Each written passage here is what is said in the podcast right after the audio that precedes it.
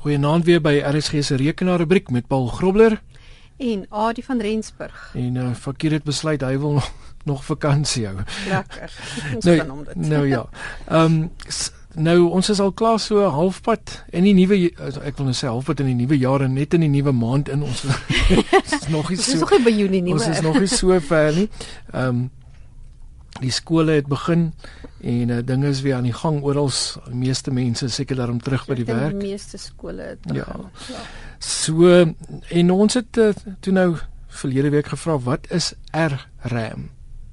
RAM. RAM. Ja. Ek kan lekker brei. Ek het groot geword daar onder in die Weskaap. Nou ja. Ehm um, RAM is ook genaamd ReRAM en uh, dit kan ook 'n uh, memristor genoem word. Ja. En uh, dit staan dan nou vir resistive random access memory. ReRAM, so resistive random memory, random access memory. Nou ons het uh, mos in die verlede al baie oor RAM gepraat of of almal ken van RAM. Ehm um, nou wat ons wel weet van RAM ons is dat dis nou die een tipe geheue hmm. as jou krag afgaan is dit weg wat ek al in in RAM was. Dit dit ja. Is hulle praat van dis volatiel of dis vlug geheue? Ja, dit heeltyd verfris word. Ja, so as daar nie enige krag is, is nie. Dit kan verfris wat dit kan gebruik om krag om dit te verfris ja. en dan is dit weg. Dan is dit weg. Nou Een sal dit besef met load shedding. Ja. Ja, ja behalwe as jy dan nou 'n 'n laptop of iets het wat nog steeds wat vir jou krag kan ja, wat nee. vir jou krag kan gee. Maar ek dis baie snaaks hoe baie mense ek deesdae sien dan plak hulle hulle ehm um, hulle laptop in en dan as die krag afgaan dan gaan die laptop ook dood ons van nee die battery werk nie meer nie.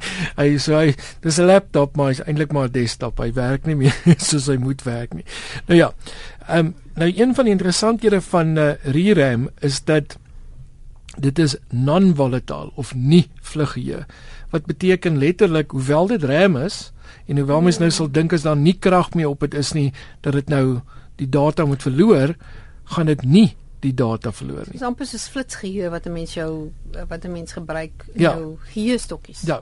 Hier is nou 'n nuwe tipe tegnologie natuurlik en uh, so die geheue berus nou basies op die verandering van die weerstand oor 'n die elektriese soliede staat materiaal uh, of dan 'n memristor, dis nou wat 'n memristor is en dit kan vergelyk word dan met CB RAM of conductive bridging RAM en PCM, phase change memory. Dis um, mos maar amper soos wat 'n uh, uh, uh, herskryfbare Ja, phase change memory het ons al gepraat. Hmm. Phase change, die feit dat jy 'n stof kry wat phase change kan ondergaan onthou om daai as jy uh, ja, herskryfbaar en jy wil hom weer jy wil nuwe goed op hom skryf dan gaan hy 'n fase verandering, 'n ja. materiaal wat hom bedek. Basies 'n fase verandering ja. en dan kan hy weer al daai wat noem dit pits and lands in ja, Engels wat jy moet sien. Die ene en die nulle, ja. ja. So die die hele beginsel dat hy hy haal 'n laagie af en dan maar jy kom ook met 'n rewritable op 'n punt wat jy hom nie weer kan herskryf nie want daar's ook net soveel laagies. Ja, jy kan dit ook nog soveel kere doen, ja. ja. nou ja. Ehm um, CB-RAM se werking uh, berus dan op uh, een elektrode wat ione verskaf wat in 'n elektrolitiese materiaal oplos terwyl PCM genoeg joule hitte genereer om faseveranderings van amorfe na kristallyne of andersom te veroorsaak. Nou hierdie vir die skeikundiges moet nou soos 'n droom klink. Vir mense soos die res van ons wat nou nie skeikundig aangelees nie, maak hierdie nou nie baie sin nie, maar die feit van die saak is as dit nie is vir mense soos ons skeikundiges nie, het ons nie hierdie goeders gehad nie. Ehm um, dis mense soos soos hulle wat hierdie fonds ontwerp en uitdink en uitwerk en uh, dan kry ons hierdie nuwe tegnologie. Nou in RAM of ReRAM word spanning of voltage toegepas op die memristor wat dan 'n mikroskopiese geleidende paadjie genaamd 'n filament skep. So dis amper ek ek wil sê jy lê sement neer en jy dis asof jy met jou vinger nou 'n patroon in sement gaan trek. Ja, en dan raak daai sement nou solied en dan bly hy so. Maar die een interessantheid nou natuurlik van ReRAM is die feit dat jy kan amper die sement weer nat maak en dit dan weer oorskep.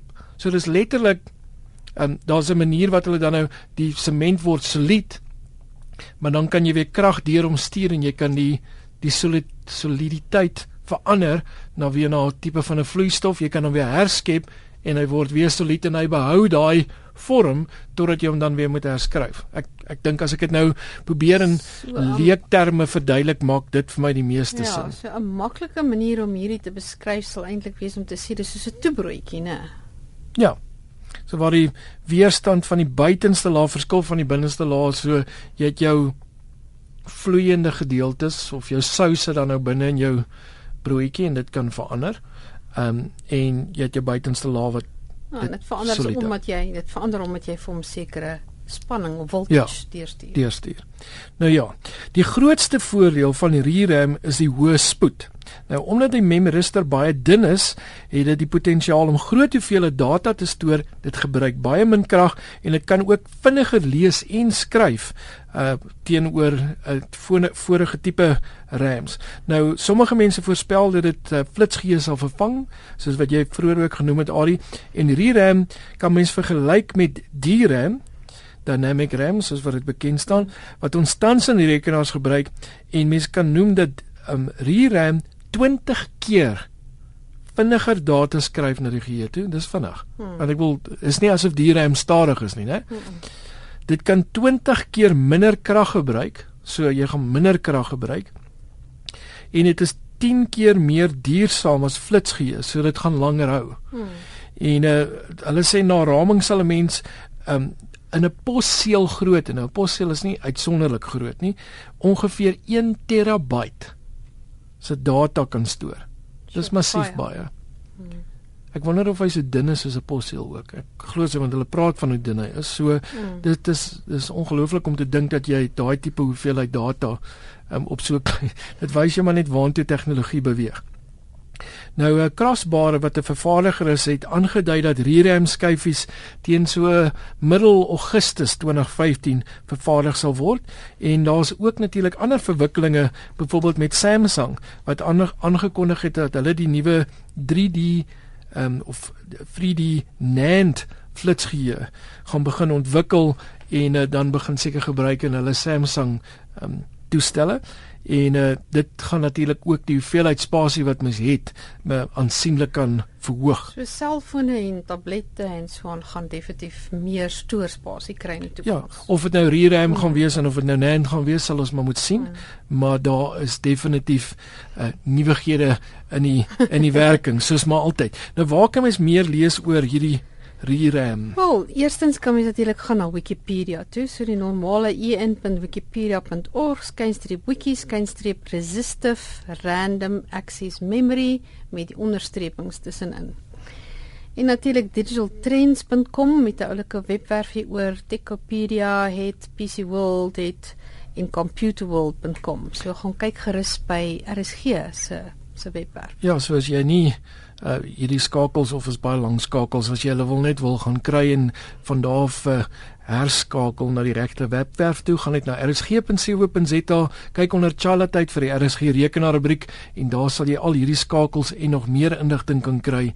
Um en natuurlik kan jy ook uh, vir ons 'n vraag vra of uh, vir ons uh, enige raad stuur wat rekenaar georiënteerd is en stuur dit gerus na rekenaar by rsg.co.za en uh, Jan Mostert het uh, vir ons 'n probleem ingestuur. Ja, hy sê hy het 'n vooropgestelde spreivel wat sê net maar soos 'n 'n formule op het oor hoe uh, hoe die punte bereken word. Maar hy wil graag die formule sien net vir inligtingdoeleindes.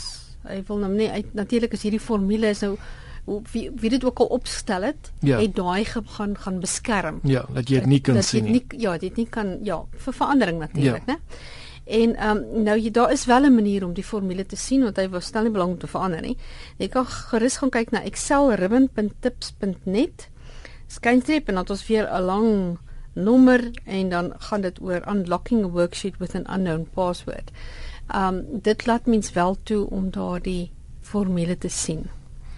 Nou ja, so daarso kan jy nou sien wat nie gesien moet sien wat nie gesien moet word nie. Uh so as dit nodig is, so kry gerus daai skakel ook by ons webwerf rsg.co.za. Gaan kyk gerus onder Chila tyd by die RSG rekenaar rubriek waar jy dan hierdie skakels kan kry en net tyd vir 'n vraag. Wat is die nuwe compute stick? Wat is 'n nuwe compute stick? Ons gesels volgende week daaroor van Paul Grobler en Adie van Rensburg. Groete.